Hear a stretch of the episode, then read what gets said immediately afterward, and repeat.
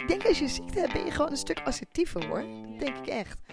Maar naar jezelf vooral. Van, dus het gaat vooral om de normen en waarden die vanuit de maatschappij worden, worden opgedrongen. En, en, en, voor jezelf accepteren, ik doe daar niet aan mee.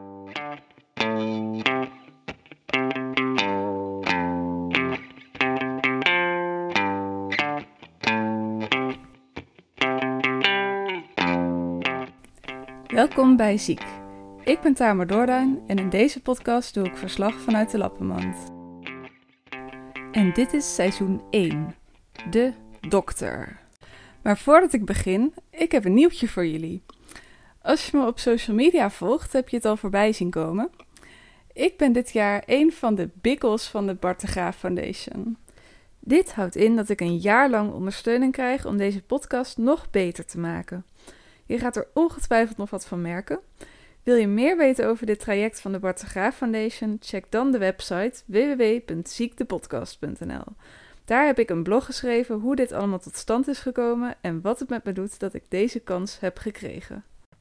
In deze aflevering ga ik uh, verder praten met Chantel Rogers. Maar voordat ik met dat interview begin, um, heb ik ook nog iets anders. Ik heb namelijk bedacht dat ik een soort uh, rubriek ga inlassen. waarin ik jullie fijne en minder fijne ervaringen met artsen ga voorlezen. Of wat nog leuker is, is als jullie zeg maar echt een uh, geluidsfragment naar mij toesturen. Waarin je dus iets vertelt over een fijne of minder fijne ervaring met een arts. Nou, ik had het op social media al gedeeld, dus ik heb ook voor deze eerste aflevering inderdaad al wat inzendingen. Ik zit nog een beetje te dubben over de naam. Ik wilde namelijk aansluiten bij uh, hashtags die op Twitter al heel vaak hiervoor worden gebruikt. Voor de positieve ervaringen dan natuurlijk dank je dokter. Voor negatieve ervaringen is in Twitter eigenlijk al de hashtag uh, dokters are dickheads in omloop. Ik vind dat eigenlijk net een beetje een te aanvallende uh, manier om dat te zeggen. Dus ik had al een poll gedaan op Twitter. nou ja, daar kwam uit dat jullie jammerdokter wel een goede hashtag hiervoor vonden. Maar iemand die kwam ook nog met allemaal andere opties. Um, ik zal het er even bij pakken.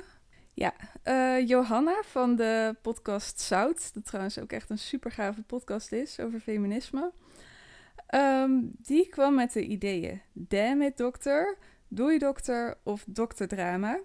Of gewoon Dikhead dokter, een variatie waarin we de generalisering vermijden, want not all dokters. Uh, nou dat vond ik ook wel allemaal hele goede ideeën, dus nu kom ik er eigenlijk niet uit. Ik denk dat ik gewoon nog eventjes een nieuwe poll op Twitter ga zetten, maar ondanks dat ik uh, nu dus nog geen goede naam ervoor heb, ga ik toch alvast de eerste ervaringen met jullie delen.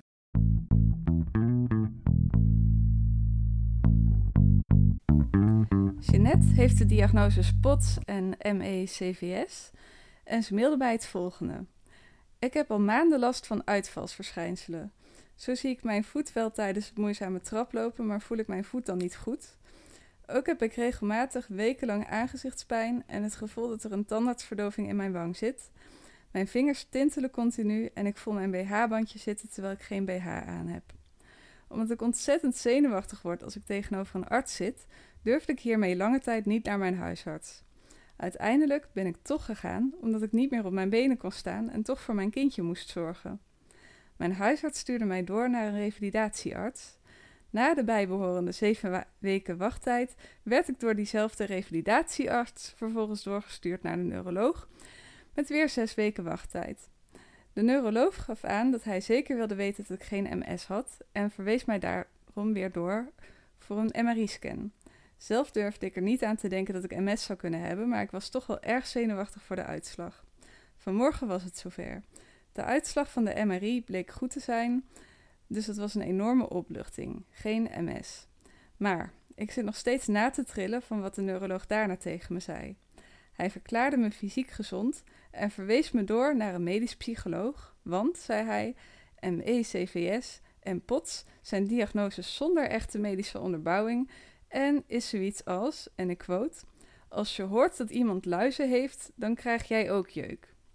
Verder zei hij: Er zijn mensen die eerst hier komen en vervolgens naar de longarts gaan om iets uit te sluiten, en vervolgens naar een reumatoloog om iets uit te sluiten. Dat zijn van die hoppers. Jullie zullen ongetwijfeld begrijpen hoe ik mij nu even voel. Nou, uh, dat begrijp ik inderdaad. Ik heb zelf ook wel dit soort ervaringen gehad. En um, het is ontzettend onterecht. De meeste artsen die weten echt helemaal niks van pots af. En kunnen dus ook helemaal niet beoordelen of daar een medische onderbouwing voor is. Nou is POTS helaas uh, een ziekte waar pas de laatste jaren, eigenlijk de laatste decennia, pas meer over bekend is. En um, daarom is er gewoon een inhaalslag te halen qua wetenschappelijk onderzoek. Maar er ligt echt genoeg bewijs en genoeg aanwijzingen voor een arts om daar van alles mee te kunnen doen.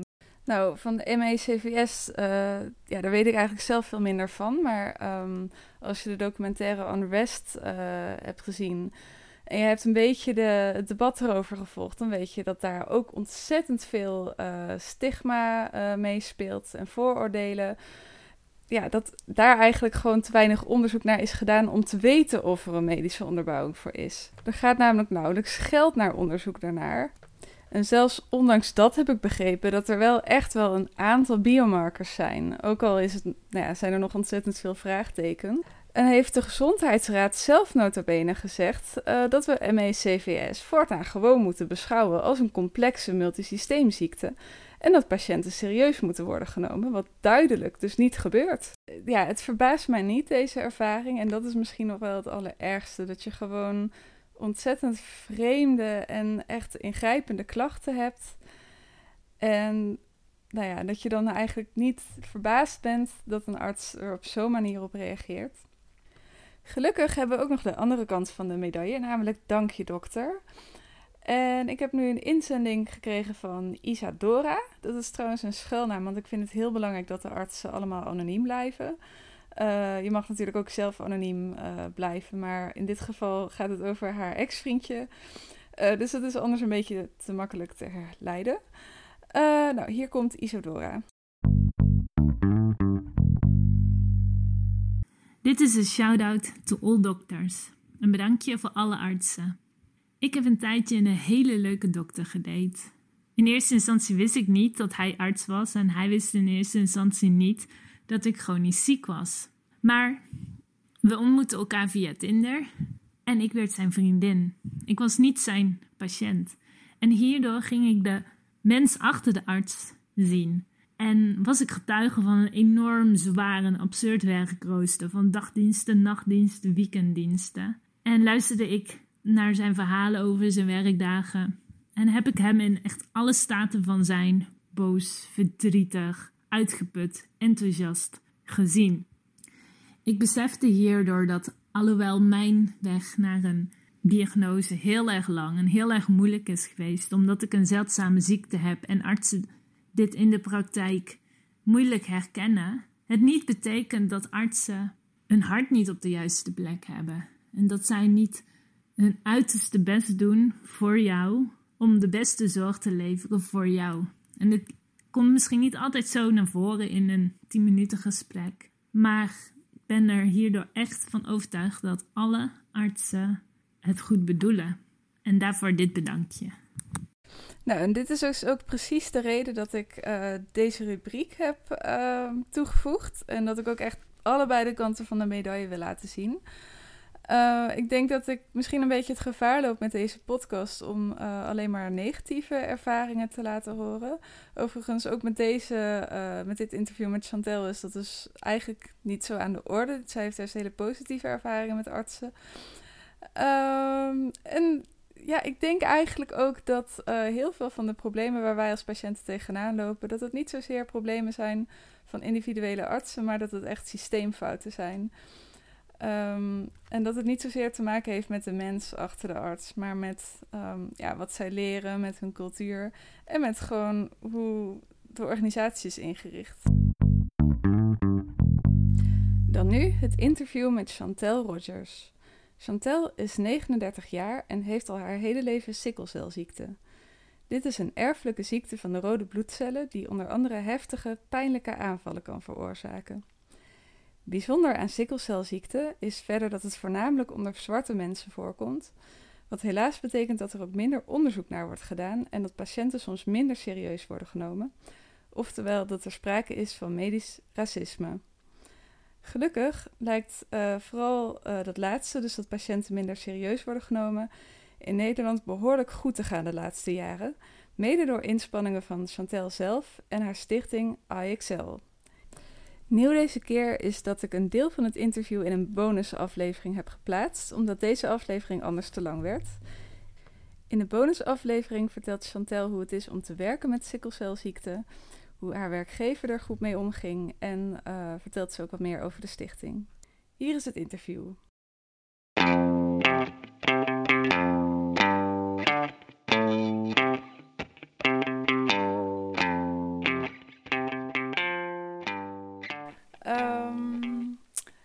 Ons meenemen in hoe je erachter kwam dat jij sikkelcelziekte hebt? Ja, ja al, al, was ik daar niet zelf bewust bij. In die zin dat ik uh, dat, dat uh, uh, sikkelcelziekte bij mij al geconstateerd was voordat ik één werd. Wauw. Ja, dus ik was toen een paar maanden oud en ik hield geen eten meer binnen. ik at echt een paar dagen niet en ik huilde heel veel. Toen op een gegeven moment hebben mijn ouders me met spoed naar het ziekenhuis gebracht. in Amsterdam was dat toen ze een aantal testjes gedaan. Uh, en toen ze onderweg met mij naar huis waren, werden ze toegebeld uh, dat ik terug moest komen. En dat ah. ze geconstateerd hadden dat ik een bloedziekte had. Je moest meteen weer terug? Ja, ja, ja, want het ging niet zo goed met me toen. Ja, dus ze moesten meteen ingrijpen. Ja, gelijk met de behandeling starten toen. Ja. ja. Kwam het onverwacht voor je ouders? Ja, zeker. Want uh, sikkelcelziekte is een erfelijke uh, bloedaandoening. Ja. En hij erft homozygoot over. Dus dat wil zeggen dat je het, het van vader en moeder erft. Ja. Maar mijn ouders zijn allebei drager. En als drager draag je dus wel het gen met je mee. Maar je hebt niet de klachten die daarbij horen. Echt totaal niet? Nee, nee. Ja, echt of in hele extreme omstandigheden. Dat kan wel. Ja, Stel dat je ja. gaat bergbeklimmen of iets dergelijks. Oh ja. Uh, maar niet in een. in principe heb je als drager uh, geen klachten. Mm -hmm. um, dus zij wisten dat beide niet. Ja.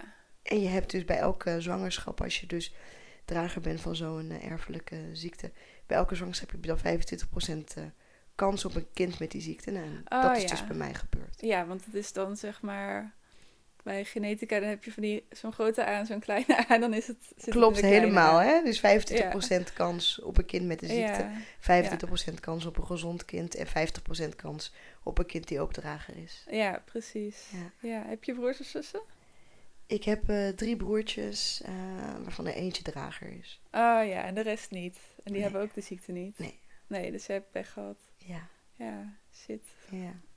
Ja. Dus eigenlijk voor zolang als jij je kan herinneren, heb je dit. Ja.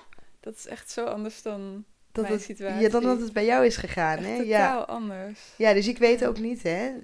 Misschien komen we daar later nog wel op als het over de eigenschappen gaat. Ja. Uh, als het bijvoorbeeld om vermoeidheid gaat. Ik weet niet wat het is om wel die volle tank te hebben. Ja. Ik heb dat nooit gehad, nooit gekend. En ja. uh, dat is wel anders dan als je van de een op de andere dag acuut ziek wordt. Ja, ja nou was het bij mij ook niet acuut hoor, maar ook geleidelijk. Ja. Maar het is toch anders. Ja, goh, dat lijkt me echt uh, gek. En voelde je je dan ook altijd anders als kind dan de mensen om jou heen, zeg maar? Um, nou, ik heb wel een normale uh, jeugd gehad. Dus ik ben bijvoorbeeld ook naar het regulier onderwijs gegaan. Alleen is het wel zo dat je minder kan. Dus dat openbaart zich wel, ook, ook, ook als je je vergelijkt met andere leeftijdsgenootjes. Ja. Ik lag vaker in het ziekenhuis en ik uh, moest meer opletten. Altijd warme kleding aan. Uh, oh ja, want capuchon. toch? Exact, ja, en infectieziektes. Dus ik had altijd wel warme jassen met capuchons. Oh, en ja, moest ook veel drinken. Dus er waren wel dingen waarin ik anders was. Ja, ja. En zeg maar, je kon dus ook minder, had je ook minder energie. Dus dat je. Ja, zeker. Ja, minder kon spelen, afspreken met vriendjes. Hoe uitte zich dat? Ja, ik denk uh, zeker daar waar het gaat om echte fysieke inspanning. Ik, ging wel, ik speelde wel gewoon buiten, ja, uh, net als anderen. Maar ik was nooit degene die het hardst kon rennen of het langst kon rennen. Of Ja. Eh, zwemmen was ook echt problematisch eh, Oh, met deze ja. ziekte. Het is heel koud, dus ik kreeg heel vaak pijnaanvallen na de zwemles. Dus het is, het is wel anders. eh. ja, dan zou je eigenlijk in een warm zwembad af moeten Ja, zwemmen. nu, nu, nu Ja. is dat ons advies ook vanuit de stichting. Ja, hoor. Als ja, je een zwemdiploma gaat halen, kijken of er mogelijkheden zijn voor warm bad. ja. ja.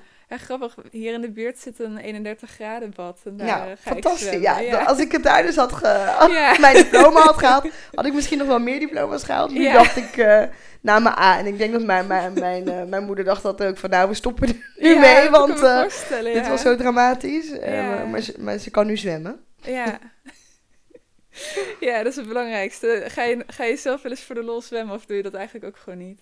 In het buitenland zeker wel. ja, daar is het warmer. Maar, maar ook daar maak ik altijd de afweging. Nooit een hele middag, weet je. Nee. Maar gewoon Ja. de in, de uit. En eh, zorgen dat je Ja. op temperatuur blijft. Dus ja, ik, precies. ja. ja. ja. Maar ehm, wat is nou voor jou hetgeen wat het zwaarst weegt of waar je het meest last van hebt? Zijn dat die ziekenhuisopnames of is het, het meer het dagelijkse?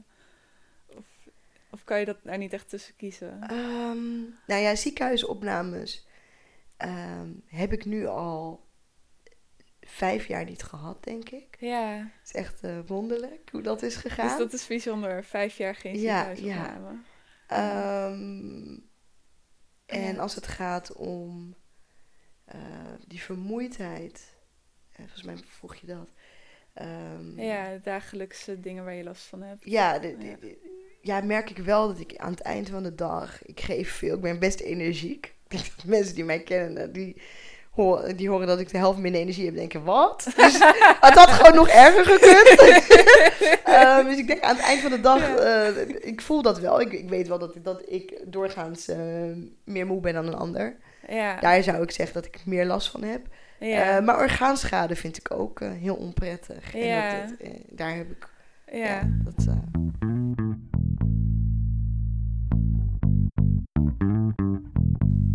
Ja, maar misschien dat we ook even wat meer voor de luisteraars die er nog nooit van hebben gehoord. Ik had er tot voor kort ook echt nog bijna. Ik had er zeg maar in de biologieles ooit van gehoord. Oké. over rode bloedcellen hadden of zo. Maar, ja. maar dat is echt alles. Ja, daarom zijn we er ook Ja. en roepen we hard. Ja, ja, ja, precies. Ja. Dus, ehm, want wat, eh, eh, wat ik heel opvallend vond toen ik erover las, was dus die sikkelcelcrisis. eh die, Ja. Crisis die je kunt krijgen. Kun je daar wat over vertellen? Jazeker. Of überhaupt, wat, wat is het? Wat is een sikkelcel? Misschien ja. is het zo vanaf de basis. Ehm, ja, ja, en dan zal ik het... Ja. ehm, sikkelcelziekte is een aandoening aan de rode bloedcel. Waarbij de rode bloedcel van vorm verandert als hij in een zuurstofarme omgeving komt. Oh, hij oké, krijgt dan de vorm van een sikkel. Een sikkel is zo'n maan. Ja, hè, of zo'n eh, gereedschap. Ehm, het moment dat hij die vorm heeft, kan hij moeilijk door de bloedbaan stromen. Want een normale rode bloedcel is rond. Ja, Ehm, nou, dat, dat veroorzaakt ehm, complicaties in de eerste instantie. Veroorzaakt dat eh, opstoppingen in de bloedbaan. ja, dus je aderen zitten vol. Ja, ja Soort je- een soort klontering krijg je dan. Oh ja. Een soort ophoping van de sikkelvormige rode bloedcellen. En kan het bloed dan niet goed doorstromen? Precies, Ja. precies. Die, die cellen, die cellen niet. Ja, oh, de cellen niet. Ja. Ja. ehm, en wat je dan krijgt, is dat je... eh, dan ontstaat er weefsel, eh, weefselsterfte. Oh ja. En het, eh, de botten krijgen te weinig zuurstof. En dat leidt De tot heel veel pijn. Als je een tekort hebt ja. aan zuurstof in je weefsel, in je botten, dan gaat dat eh, Ja. enorm veel steken. En dat voelt alsof iemand met een hamer op je gewrichten slaat. Alsof ze kapot moeten bijna. Ik kan me niet eens bij voorstellen dat je je botten kunt voelen überhaupt. Ja, hè? Ja. Het, is zo, het is echt een, echt een binnenpijn. Ik kan hem echt Ja. eh, heel moeilijk eh, uitleggen hoe dat dan voelt. Behalve dus dat gevoel van echt constante messteken of hamerslagen. Echt in een tempo. In een tempo, dus het is... Ja, je, maar- ja, je voelt het. Ik maak nu een handbeweging. Ja, maar- ja dat, dat, zien, je- dat zien jullie thuis Throbbing, niet. zeg Maar dat, Throbbing dat soort van steady dingen, dat kan, Ja. soms, eh, dat kan soms een paar uur duren, maar dat kan ook dagen duren. Oh. Ja, een andere complicatie van sikkelcelziekte is eigenlijk omdat ehm, ja, je dus echt een afwijking hebt in de rode bloedcel. ehm, veroorzaakt het door de loop van de jaren ook ehm, eh, orgaanschade. Oh ja, ja wat Ja. je net al benoemde. Ja, en die orgaanschade, dat zijn dus onder andere de mild. Bij veel sikkelcelpatiënten zie je dat die of eh, heel klein is geworden, verschrompeld is en dat je hem eigenlijk niet meer kan zien op de echo. De Of dat? Wat vergroot is. De mild beschermt je tegen infecties. Oh. Dus je kunt er wel zonder leven, omdat we inmiddels Ah. ook eh, eh, vaccinaties, gevoelig woord deze tijd, maar we hebben Ja. wel vaccinaties die de mildfunctie kunnen overnemen. Oh, dat is wel fijn. ehm, Ja. de andere orgaanschade die je ziet bij sikkelcelziekte is onder andere eh, dat eh, je op jonge leeftijd een vorm van galstenen gaat ontwikkelen. Ah. Eh, dit leidt dan ook weer tot complicaties waarna vaak de galblaas verwijderd wordt. En dat is ook weer heel pijnlijk. Ja, het was op dat moment heel pijnlijk omdat je niet Ja. weet wat je... Bij mij was dat inderdaad heel pijnlijk omdat ik er lang mee rond had gelopen. Oh, ja. Ehm, en, en, en verder kan, kan er ontstaan, eh, schade ontstaan in de longen, in het hart. Nou, het komt allemaal door, eh, Ja. door die afwijking in het bloed eigenlijk. Dat is echt een systeemziekte. Ja. is het. ja. Die alles kan beïnvloeden. Precies. Ehm, en een derde complicatie is omdat er ook sprake is van een eh, versnelde afbraak van die rode bloedcel. Dus hij heeft een afwijkende vorm, maar hij leeft ook korter. Oh ja. Dus minder Ja, dagen. Ja iets zijn- van 20 ten opzichte van 150 of zo. I- Weet ik zo even niet. Dat stond op jullie website. Ja, dat, oh, wat goed dat je onze website ook goed Ja, kent. ja, ik, denk, ik denk, nu ga ik even geen numbers noemen, want Oh, dadelijk eh, heb ik het even niet goed. Ehm, maar hij leeft eh eh, fors ehm, eh, korter. Ja. Eh, en dat leidt dus inderdaad tot... de- dat is een bloedarmoede, zoals we het eigenlijk in Ja. de praktijk noemen we dat een bloedarmoede. Dus als Ja. je kijkt naar een gezond mens, die heeft een HB tussen de 8 en de 12. En ik heb een HB eh, van 4,9. Oh jeetje. Dus, eh, dus en is die ooit hoger geweest? ja, hij was vroeger altijd 5,7, steady, steady. 5,5, 5,7 Ja, ja, ja. en de laatste, nou ik denk dat het wel 7 jaar nu is, is die eh, 4,9. Ja, ja. En dat is heel laag, dus ik heb echt een eh forse bloedarmoede. Ja, ja. En normaal als je bloed, of normaal, als je bloedarmoede hebt, dan slikt je, dan slik je ijzer. En bij jou heeft dat geen zin. Nee, nee, Nee. nee. Want het is een ander soort. Ja, precies. Maar En wel je- met dezelfde symptomen. Dus gewoon altijd moe en Ja, nou ja, altijd, ja, ja je bent wel Of moe. sneller moe. sneller moe dan een ander, zeker. Met je wazig gevoel. Of ja, dat weet, of ja, je hebt het altijd gehad natuurlijk. Ja, maar ik, zou- ik zou wel Ja. weten als ik wazig was. Ja. Eh, eh, ja, gewoon moe. Gewoon echt Gewoon moe. Ik kan ook Ja. enorm snel in slaap vallen. Echt Oh, heerlijk is dat, hè? Want ik zie ook mensen die gewoon twee uur lang eh, naar het plafond aan het staan zijn. Dat is bij mij helemaal niet aan de Nee. orde. Maar ook wel gewoon aan het eind van de dag dat ik echt wel voel van... Oké, dit, was, dit was genoeg. Dus ik zoek ook altijd die balans van... Ja, Hé, het lijkt altijd een heel druk leven te hebben. Maar ik heb ook heel veel momenten van echte rust. ja, Ja. ja. Ja, dat is wel belangrijk dan. Dus dat is in een nutshell, is dat sikkelcelziekte. Ja, Ja. ja. nou dat is wel heel compleet, denk ik. Ehm, even kijken. Oh ja, en ik las ook dat zo'n crisis dus door allerlei dingen kan worden getriggerd. En je zei dus net al zuurstofarme omgeving, zeg maar. Of te weinig zuurstof. Ja, sikkelcel... eh, eh, ja, dat- maar dat gebeurt intern. Eh sikkelcelcrisis wordt over het algemeen uitgelokt door bijvoorbeeld een infectieziekte. Dus dat kan Ja. een longontsteking zijn. Ehm, ja, iets, iets in ieder geval waar een infectie achter zit. Ja, Ehm, dat kan zijn dat je een periode van stress hebt of hebt gehad. ja, Overmatige kou. Ehm, ja. Dit kan ook zijn omdat je bent gevallen. Dus eigenlijk... oh jeetje. ehm, dus ze zeggen wel eens in het Engels, en ik weet niet wat het Nederlandse woord ervoor is, maar any upheaval.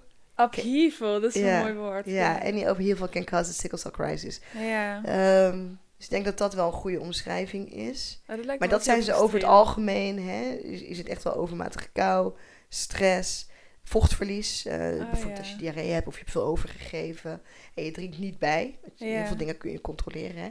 Ja, Je kunt het ook warm hebben. Je kunt je ook zo kleden dat je niet aan overmatige Ja, kou wordt, wordt blootgesteld. ja, En je kunt proberen infectieziekten te voorkomen daar waar het kan. ja. Maar goed, eh, ik ben een periode ook heel ziek geweest. Ik had in 2013 een tumor.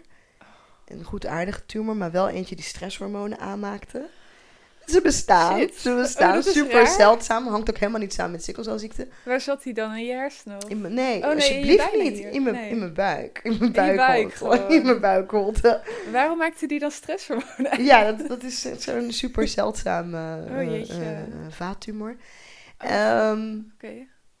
en, en dus dat is inderdaad weer gewoon iets anders. Hè? Maar dat kost op dat moment... eh, je kunt dan wat zeggen over, over die stress. Eh, dat, dat kost op dat moment uh, eh, ja. aanvallen achter elkaar. Ja, dat dus toen. dan heb je ja, dubbel zoveel problemen, zeg maar. Ja, ja, hij zit nu Ja. uit hoor, al geruime tijd. Ja, gelukkig. Ja. Ja. dat lijkt me ook heel heftig. Ja, ja want ehm, ik ben zelf emotioneel best wel, zeg maar, iemand van ups en downs. Dus als ik dan sikkelcelziekte zou hebben, dan zou ik daar heel erg op moeten letten. Ja, zeker als het gaat om stress en hoe je je voelt. Ik denk dat dat... eh, Ja. ja. Ja, bijvoorbeeld eh, gisteren had ik dan nog die eh, presentatie voor dat Bikkelfonds, waar ik... eh Oh ja, daar mogen we nu wel wat over mogen we zeggen. nu natuurlijk wel gewoon over praten. Dat gaat, dat gaat. Ja, ja. ja, ik was echt verschrikkelijk zenuwachtig. En dan zou ik dus op dat, als ik sikkelcelziekte had gehad, dan had ik dan misschien wel in het ziekenhuis gelegen. Dus Ja. zo moet ik ja het zien. zeker. Dus ik Ja. heb ook, hè, zeker als kind, heb ik veel aanvallen gehad. Of crisis, hoe je... eh, Zo, zo heet het eigenlijk. Ja. Als ik nerveus was, als ik gespannen was. Hè? Dus als mijn eh, vriendinnetjes eh, jarig werden en je had een feestje, nou, dan kon ik heel makkelijk de dag ervoor of de dag zelf opgenomen worden. Of eh, met mijn eigen verjaardag. Dus gewoon die gezonde spanning hè, die je wel eens ziet, dat leidde bij mij wel tot, tot aanvallen. Ja. En ziekenhuisopnames ook echt. Ja. Ja, Oh, dat lijkt me echt heel frustrerend. ja dus het, daarmee leren omgaan met dat soort spanningen op een manier dat gezond is Ja. voor je lijf. eh, dat dat is, eh, is een uitdaging, maar dat zijn de dingen waar we eh, mensen met deze ziekte bij ondersteunen. Ja, ja, ja, daar gaan we het ook nog verder over hebben. Ja.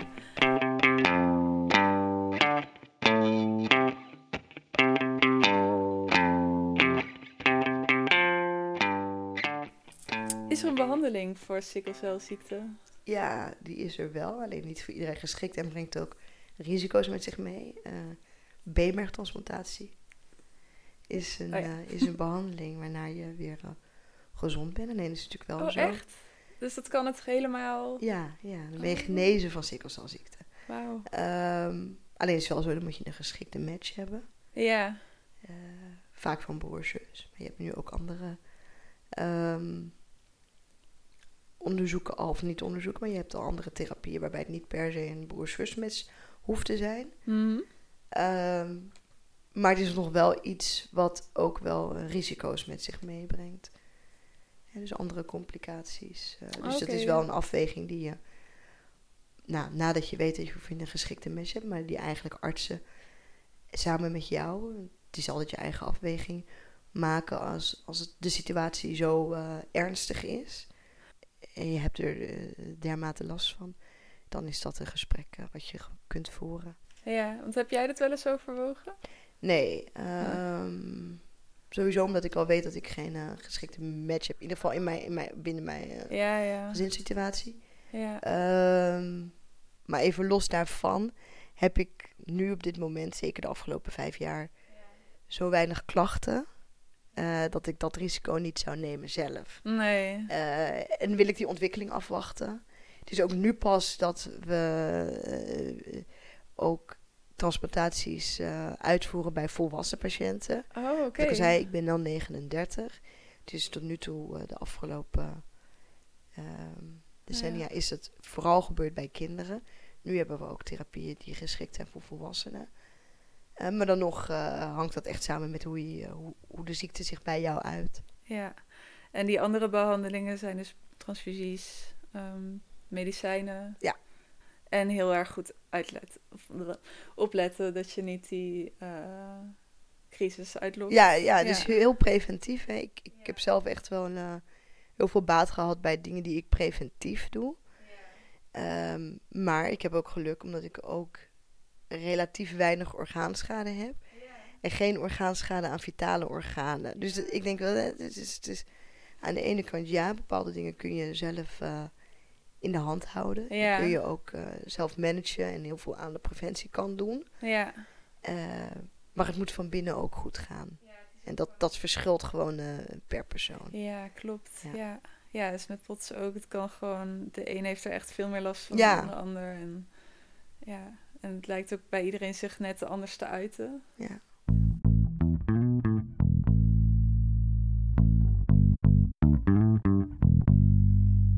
Nou, ik, ehm, ik ben op het spoor gekomen omdat ik op Twitter een oproep deed. Specifiek voor mensen van kleur eh, die ook eh chronisch ziek zijn. Ja. En daar kreeg ik nog wel een backlash van. Ja. nou ja, op Twitter iets over racisme zeggen. Ja, ja, dat dat is altijd super wel. gevoelig hier. Super gevoelig in Nederland. Ja, eigenlijk gewoon heel erg taboe nog steeds. Ja. Ehm, en ehm, nou ja, een interessante reactie die, eh, die ik toen heel veel kreeg was ziekte discrimineert niet. En dan vonden ze dat ik dan wel discrimineerde, juist omdat ik geen, niet alleen maar witte mensen wilde interviewen. Ja. Staat natuurlijk nergens op. Maar ja, ehm, ziekte discrimineert dus eigenlijk wel. Want sikkelcelziekte komt dus vooral niet uitsluitend voor onder mensen van kleur. Ja. Zwarte mensen. Ja. ja. En kan je daar wat meer over vertellen? Hoe komt dat? Ja, dat komt omdat eh, sikkelcelziekte een... ehm, dat hangt samen met, eh, met malaria. Ja, Ja, is ja. heel interessant. Ja, super, super interessant. Ja. Eh, dus dat wil zeggen dat uh, bestaat al gewoon heel lang. Ja, Eh, honderden jaren. Ehm, maar wat wel zo is, is dat eh sikkelcelziekte eh, beschermt dragers van malaria. ja, Dus toen je in bepaalde malariagebieden ontzettend veel mensen overleden en doodgingen aan malaria, overleefden eigenlijk de dragers ehm, eh, van sikkelcelziekte. specifiek de dragers. Ja, Dus specifiek de drager. ouders. Mensen als mijn ouders, Ja. inderdaad. Ja. Die mensen vonden elkaar weer, want die Ja. hadden het overleefd. hè. ja, precies. En die kregen kinderen en die hadden dus die ziekte. Ja, Ja. shit. Ja, Ja. dus, dus dat, is, dat is de link. Dus als je zegt van sikkelcel... eh, ik, zeg altijd, het is een eh, primarily black disease, maar het treft ook andere gebieden van mensen van kleur. Dus denk Turkije, eh, India. eh, er zijn- genoeg gebieden rondom die evenaar in die malaria-gebieden of voormalig malaria-gebieden. Want soms heb, komt malaria daar al niet eens meer voor. Of in ieder geval hebben ze daar lang, eh, ze dat al lang onder controle. Maar je ziet nog wel dat daar de patiënten met sikkelcelziekte ook vandaan komen. Nou, en verder, hè, als je kijkt naar de populatie van Nederland, dan zijn het vaak mensen die hun roots hebben in Afrika. Hè, of, eh, of een van de voormalige koloniën van Nederland. Hè, dus Suriname, Curaçao. Ehm, maar je ziet ook hier patiënten uit Congo. Eh, eh, Amsterdam heb je een grote Ghanese populatie. Dus je ziet daar dat een groot deel van de sikkelcelpatiënten uit eh, Ghana komen. Ook Oh, Kaapverdië. ja. Ja, ja, ja. als je naar Rotterdam kijkt. ja, ja. ja. En ehm, wat ik heb begrepen is dat het ehm, helaas dus ook consequenties heeft voor hoeveel onderzoek er bijvoorbeeld naar wordt gedaan. Zeker, zeker. Hè? Onderzoek heeft al inmiddels aangetoond dat. Poeh, ehm, als je kijkt, als je het vergelijkt met witte ziekten, Ja, bijvoorbeeld thijslijmziekte, ja, dus een, een, een ziekte die eh, veelal witte mensen treft.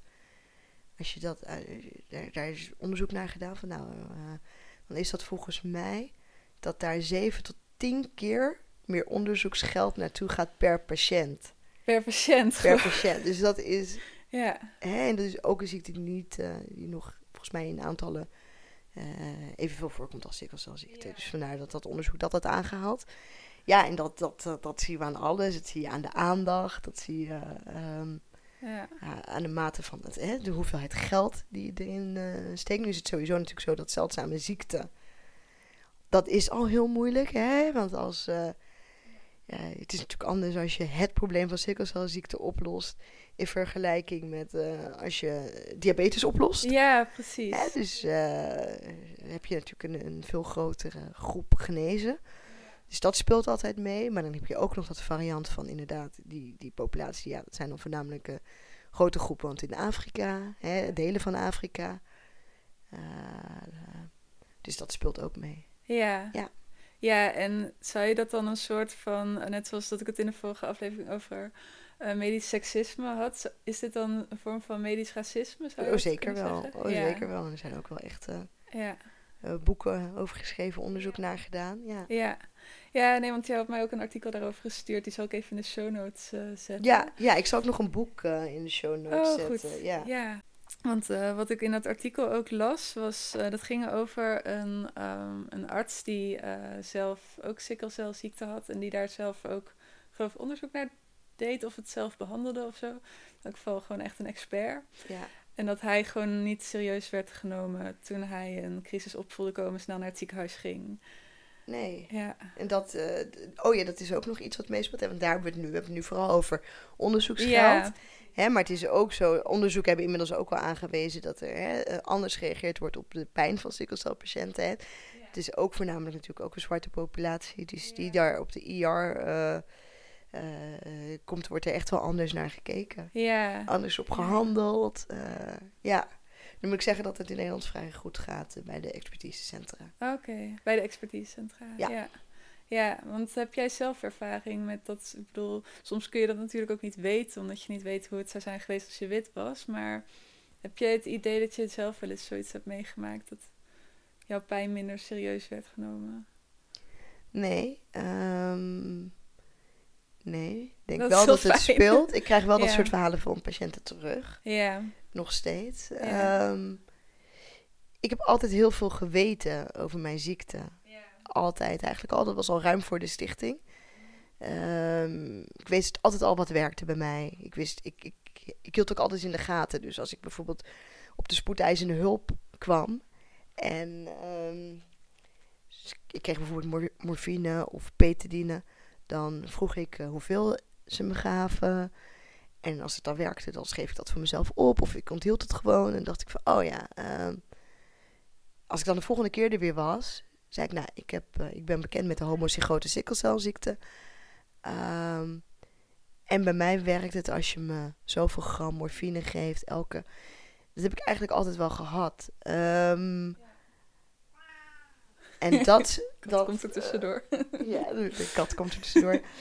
En dat maakt dat je er al anders binnenkomt. Dat je, eh, als je zelf wat, wat de regie houdt en je weet veel erover. En je, je weet beter wat jij nodig hebt dan dat de ander dat weet.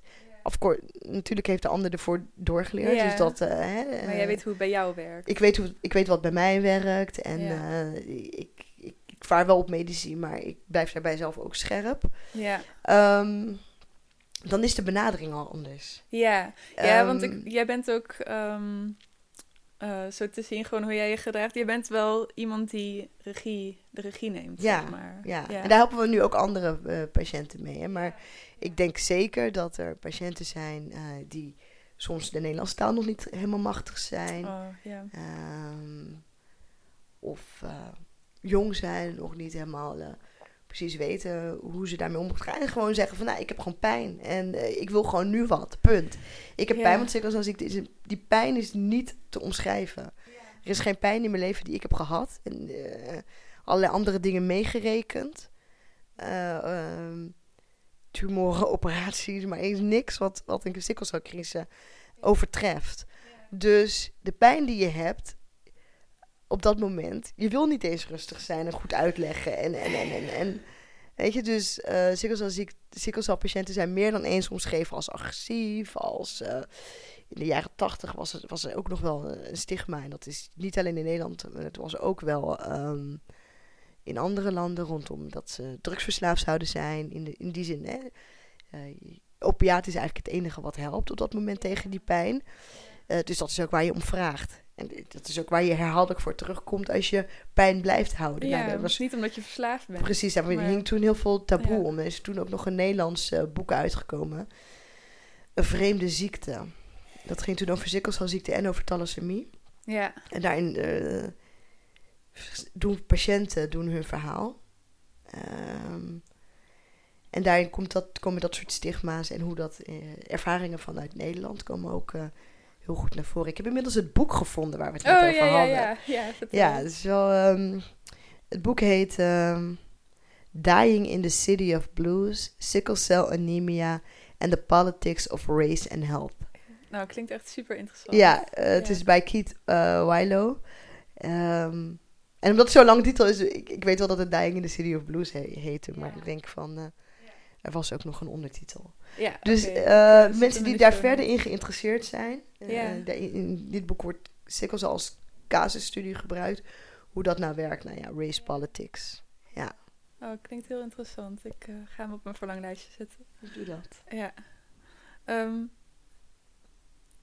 ja, maar over die pijn en die agressie had je het net. Dat is ook natuurlijk weer zo'n typisch stereotype van soorten mensen van eh, agressief. En- Ja, Ja. je moet altijd opletten. En als je, dat Ja. je niet eh, bozig eh, overkomt. En eh, ja. ja, dus die, ehm, die verhalen, eh, echt als het om... Ik word als agressief gezien, die krijgen we de laatste eh, jaren minder. Oké. En ik denk ook dat dat komt doordat de expertisecentra, we hebben een aantal expertisecentra in Nederland, eh, die sikkelcelziekte behandelen. Ja, die hebben ook hele duidelijke protocollen, ook voor waar zij zelf niet bij zijn. Oh ja, dat is goed. Eh, dus, Ja. dus als je op de spoedeisende hulp komt, we willen je binnen zo en zo'n tijdspad willen we jou pijnvrij hebben. Ja. We merken dat je niet pijnvrij, eh, dat we je niet pijnvrij krijgen of dat de pijn niet draaglijk wordt, word je opgenomen. Nou, dus ja. zijn vrij heldere, heldere protocollen wat je moet doen als je eh, met dat- Vroeger was dat voor iedereen een beetje zoeken. Ja. Eh, ja. maar bij ik niet zeg dat er hier eh, dat er in Nederland geen patiënten zijn die zichzelf niet begrepen voelen door een arts. En waarbij ik ook niet zeg dat dat niet ook te maken heeft met dat je soms ehm, eh, dat je uit verschillende cult- culturen komt. En dat, Ja, dat eh, ja. ja, dus Ja. dat systeem dat speelt nog steeds wel mee. Ja, ja. Alleen hebben we stappen gemaakt. Maar het is een gesprek wat je met elkaar, eh, denk ik, aan moet blijven gaan. Hè? Ik denk dat wij als, al- al- als organisatie daar een grote rol in, in, in spelen. Of moeten gaan spelen in ieder geval. Om juist dat soort verhalen aan het voetlicht te blijven brengen. En dat gesprek aan te durven gaan. Hè, want we hebben het hier in Nederland veel over. Eh, ja, wel een intercultureel zorgaanbod. Hè? Dus hoe sluit je aan? Hoe zorg je dat je verzorgingstehuizen ook ja, precies. alle maaltijden hebben. Maar het gaat natuurlijk Ja. ook over dat hogere niveau wat je moet pakken. Van hoe zorg je ervoor? Eh, Ja, en dan gaat het ook over cultuur. gaat het ook over. Ja, en ja. dan gaat het dus over van, oh ja, zij zijn Ja. anders. En niet over, oh, wij hebben vooroordelen. ja, precies. Hè? Ja. Dus, dus, dus eh, kijk ik anders door mijn witte bril? Kijk ik anders met mijn. eh, beïnvloedt dat mijn, mijn benadering? En, wat, en wat, wat zou ik in ieder geval in mijn rugtas moeten hebben als ik een populatie bedien ehm, die 100% van kleur is? Ja, Wat betekent dat dan voor mij werk in de dagelijkse eh, praktijk? Ja. Dus dat Ja. is een, eh, ja, dat is, in ieder geval iets eh, wat je niet met elkaar uit de weg moet gaan. Ja. Ehm, tijdens, nou ja, eerder in dit gesprek vertelde je al dat je extreem vaak in het ziekenhuis hebt gelegen. Hoe vaak was het ook alweer?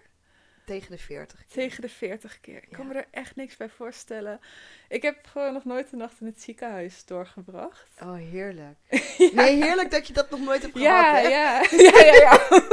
Ja, je kunt hem ook anders interpreteren Ja. van... eh, oh, Oh, heerlijk, lekker in het ziekenhuis Nee, liggen, nee, lekker echt verzorgd worden. Niet. Ik ben ook overal viezig van, dus ik vind het echt Oh, niks. ja. Ik vond Oh, ja, van die vieze lakens. Oh, Ja.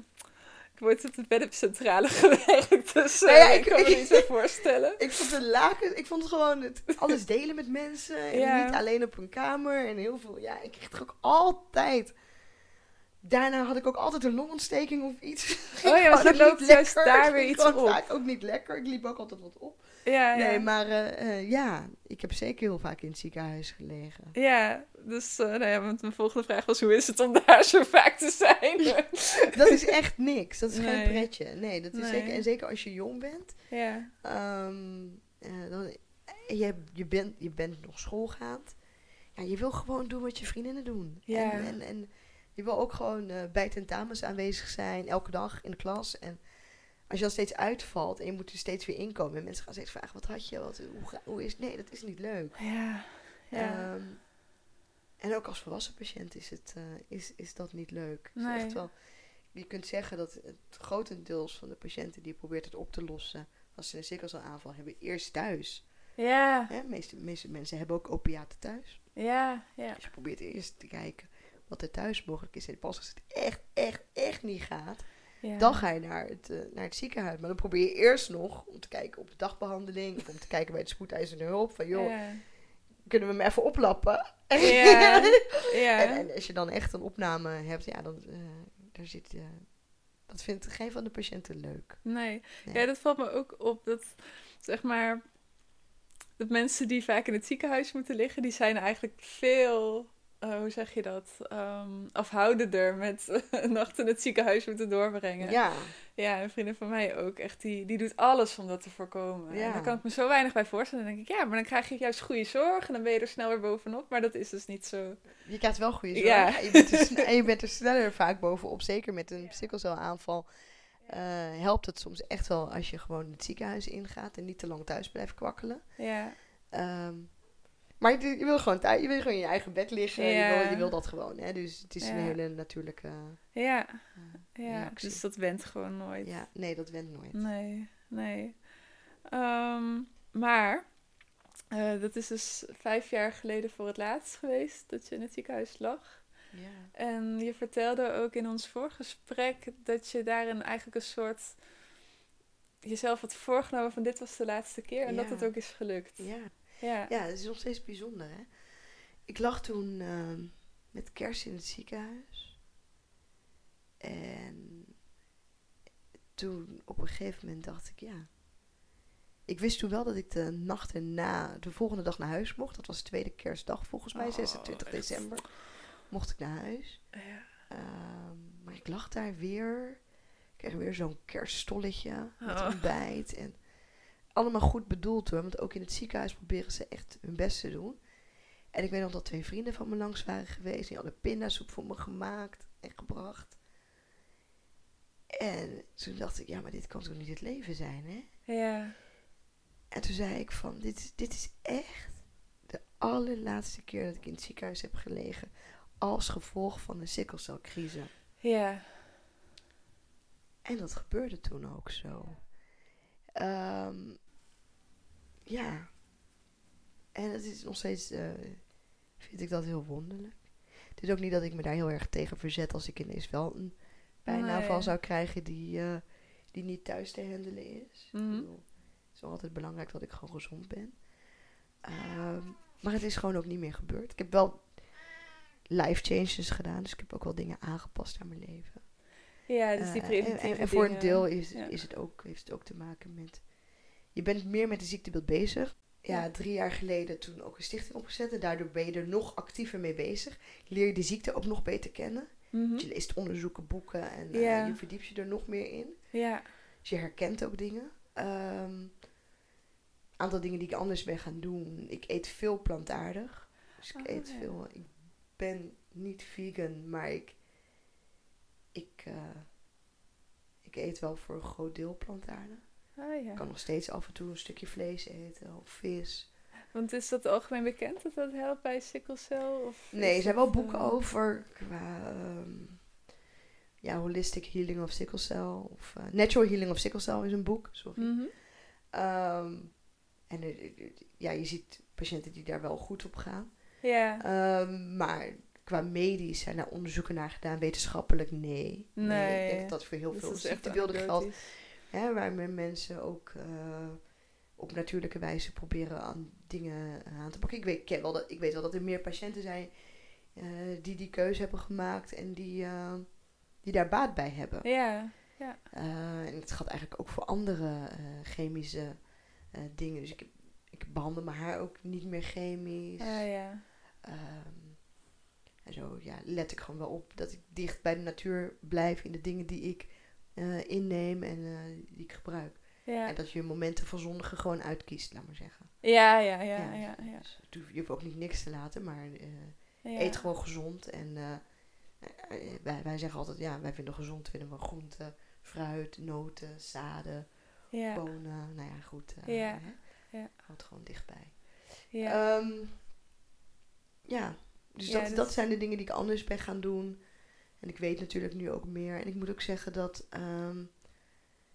eh, dat altijd meespeelt. Want ik zeg tegen patiënten, nou, je moet, je moet weten wat bij jou werkt. Wanneer krijg jij nou een ja. aanval? En wat, wat, wat speelt daarin mee? Als je dat snapt, eh, dan, dan ben je al een end op weg, laat maar zeggen. Als je Mhm. weet, bij mij komt het altijd als ik dit of dat doe. Nou, Eh, of als ik ongesteld ben bijvoorbeeld. Of, Oh, ja. Of Ja. Als ik eh drie, een heel weekend uit ben geweest. Of als ik alcohol drink. Noem maar wat. Als je dat soort dingen al elimineert. Ja. Dat, scheelt, dat scheelt natuurlijk enorm. Eh, maar dan nog hangt het ook samen met hoe de zich, zich van binnen bij jou manifesteert. Dus als, ja, als precies. je orgaanschade hebt en je hebt dat aan vitale organen, dan is dat een stuk Ja. moeilijker en ingewikkelder eh, ja. dan als je dat niet hebt. Hè? Ja, Dus dus het is niet zo van, oh, als we naar... als we allemaal plantaardig gaan eten, Ja. als we allemaal op tijd naar bed gaan, Ja. als, we, als, we, als we niet zwemmen en eh, eh, als we onszelf onthouden van alcohol, dan komt het allemaal goed. Nee, Ja, maar nee. ik zeg wel eh, dat dat soort dingen mij helpen. ja, precies. Ja, het heeft wel invloed. Ja, ja. Heeft, je kan er geen controle op uitoefenen, maar wel invloed. ja. Precies. En ik, ik heb vijf jaar geen ziekenhuisopname gehad. Ehm, maar ik heb nog wel ehm, bijvoorbeeld eh, andere. Die ziekte heeft zich nog wel op andere momenten gemanifesteerd. Dus ik heb nog wel eens een sikkelcel aan, eh, een sikkelcelcrise, maar eh, minder vaak. Ja, eh, minder vaak en niet meer zo heftig dat ik naar het ziekenhuis moet. Ja. Ehm, en ik heb ook oogschade gehad. Ik heb de afgelopen jaren Ah. twee keer een oogbloeding gehad. Oh. Dus eh, ik heb, het is er nog wel. Is Ja. niet dat ik denk van, oh, het is weg of zo. Ik heb gewoon, alleen ik heb niet in het ziekenhuis ja, gelegen, precies. maar mijn Ja. lichaam laat me regelmatig weten, aan, stil hier. Ja, ja, ja. ja. Ja. Precies. Maar het is gewoon, er valt beter mee te leven op zo'n manier. Ja. ja, en ik, ja, het- het is wonderlijk dat als je jezelf op een gegeven moment zegt, en nu is het klaar, Ja. Dat heeft in ieder geval een effect gehad. Ja. Ik denk ook wel qua motivatie om Ja. al die dingen ook te Ja. doen die helpen. Ja, want En ik je merk... interne rust is ook belangrijk bij mij. Dus ik mediteer veel. Ja. Ik, eh, ik, ik, Ja. ik, ja, ik zorg wel, ik, beweeg veel. Dus ik eh, sport veel. Ja. Ehm, en ik zorg echt wel voor een goede balans tussen inspanning en ontspanning. Ja, en dat is Ja. echt dat is super belangrijk, maar ook zo lastig. Ja. Want- Maar ook eens nee durven zeggen. Ik zeg van Ja. nee. Ja, ja dat, dat is moeilijk. Dat moet je echt leren. Ja. Heb jij dat moeten leren? Ehm, ja, ik heb nee zeggen zeker moeten leren. En Ja. vooral nee tegen mezelf. Oh ja. Ik altijd wel, eh, wel assertief was eh, naar anderen. Ja. Eh, ik denk dat je dat ook leert. Als je, ik denk als je ziekte hebt, ben je gewoon een stuk assertiever hoor. Ja. Denk ik echt. Ja. Ehm, Ja, je moet wel. maar naar jezelf vooral. Van, Ja. Dus het gaat vooral om de normen en waarden die vanuit de maatschappij worden, worden opgedrongen. En, en, en, en voor jezelf accepteren, ik, ik doe daar niet aan mee. Dus ehm, alcohol wist ik al heel snel. Van, oh, ik voel me niet zo lekker als ik dat gedronken heb de volgende dag. Dus dat betekent dat ik dat niet ga doen. Zwemmen merk ik ook, weet je. Dus ook nee durven zeggen, ook al doet een ander iets wel of zo. Ja. Eh, niet steeds die grenzen opzoeken, want mijn grenzen liggen gewoon ergens anders. Ja. Ja. Eh, Ja. Ja, en daarvoor moet je wel heel erg, hoe zeg je dat? Ehm, moet je echt durven om jezelf als uitgangspunt te nemen. ja, ja, zeker. En ook eh, niet bang zijn wat anderen dan denken. Dat Ja, is iets, dat daar is ben ik nog lang niet hoor. Daar ben ik nog lang niet. Nee. Maar gewoon het. eh, bijvoorbeeld ook het spreken over je ziekte überhaupt is daar een, een, een punt bij van nou. Want je wordt al heel snel. Oh ja, je, oh je bent dat. Ja, jij hebt toch sikkelcelziekte? Weet je hoe vaak dat gevraagd wordt Ah. op random evenementen en plekken waar ik kom. Ehm, Ja. en, en aan de ene kant, ja, want dat is waarom ik eh, drie jaar geleden begon met praten erover. Ja. Ehm, en, en, en een stichting en activiteiten. En aan de andere kant is het soms ook iets. eh, kijk, wij hebben de luxe allebei dat je eigenlijk niet ziet dat we iets Nee. hebben. Nee. Dus het is echt ook wel een privilege binnen het Zeker. hele eh, eh, ziek zijn. Ja. Ehm, en soms wil je dus dat ook lekker zo houden. Ja, klopt. En, en ben je Ja. eigenlijk helemaal niet in de stemming om als je met iemand praat van, oh ja, ja, ik Ja. heb dit over je gelezen of dat. En Ja. Oké. Ja, nee, klopt. ja, en dat is bij mij eigenlijk, dat, dat, begin ik, dat begint bij mij nu een beetje te komen. Want in het begin wilde ik het er juist zelf echt heel graag de hele tijd over hebben. Omdat ik het allemaal aan het verwerken was. Ja, ja. Maar ja, jij, jij hebt het al je hele leven. Dus ik heb het al mijn hele leven. It's getting, getting really is het old. echt boring. ja, maar aan de andere kant, het is echt Ja. een, eh, het, is, het, is een, eh, het is een ziekte waar nog steeds meer mensen niet van gehoord hebben. Ja. als met POTS. Dan mensen wel. Dus eh, het is hartstikke hard nodig.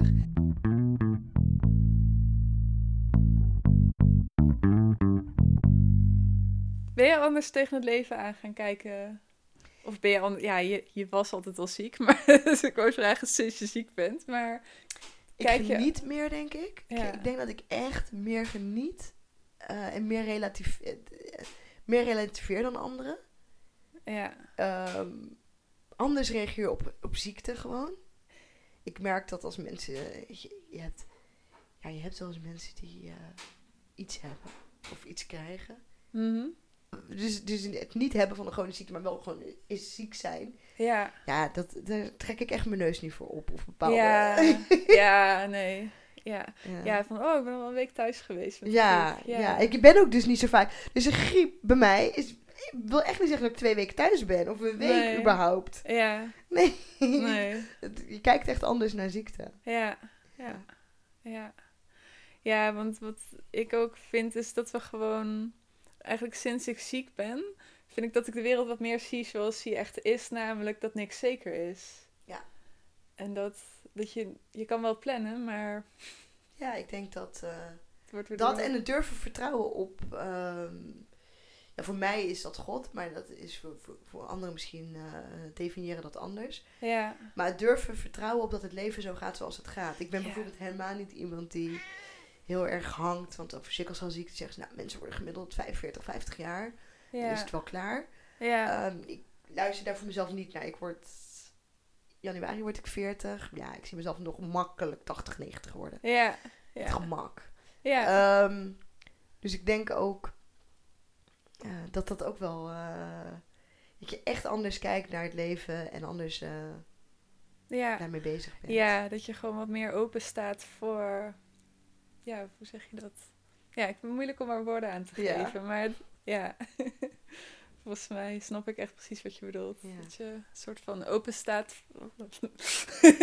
Ja, voor wat er gebeurt Ja. gewoon. Hè? En, eh, het is die combinatie van... En je, je hebt, ja, eh, voor, mezelf, voor mezelf heb ik een stukje eigen regie. ja, regie, Eh. maar ook. Maar ook gewoon loslaten in vertrouwen. Ja, dat. Ja. Ja, ja, want het is gewoon zoals het is. Ja. ja. Nou, ik vind het een mooi einde van het interview. Ehm, of was er nog iets, eh, dat vraag ik altijd voor de zekerheid even, van, is er nog iets wat jij graag wil vertellen wat nog niet zo aan bod is gekomen? Of iets, misschien nog een boodschap geven aan de luisteraars? Ehm, nee, behalve dat ik eh, eh, ehm, tegen luisteraars die zelf ook een chronische ziekte hebben, wil zeggen om eh, elke dag gewoon te genieten en het eh, en te Ja. accelereren op jouw eigen manier. Ja, ja, precies. Ja, Ja. mooi, dankjewel. Dank jullie wel voor het luisteren. Nog even een oproep. Vind jij het leuk om iets bij te dragen aan deze podcast? Ik ben namelijk nog op zoek naar een paar mensen die af en toe een deel van de podcast willen uittypen, zodat dove en slechthorende mensen de podcast kunnen lezen in plaats van luisteren. Je kunt me benaderen via social media of via de website. Alvast bedankt. Dank aan Chantel voor dit interview en credits voor het Apple Shampoo Art voor het logo. Dank ook aan Nick Bootsman voor de transcriptie van dit interview. Volg ons op Twitter en Facebook via @ziekdepodcast of via de website www.ziektepodcast.nl. Wanneer je ons rate op iTunes, kunnen anderen deze podcast makkelijker vinden. Dankjewel voor het luisteren en tot volgende keer.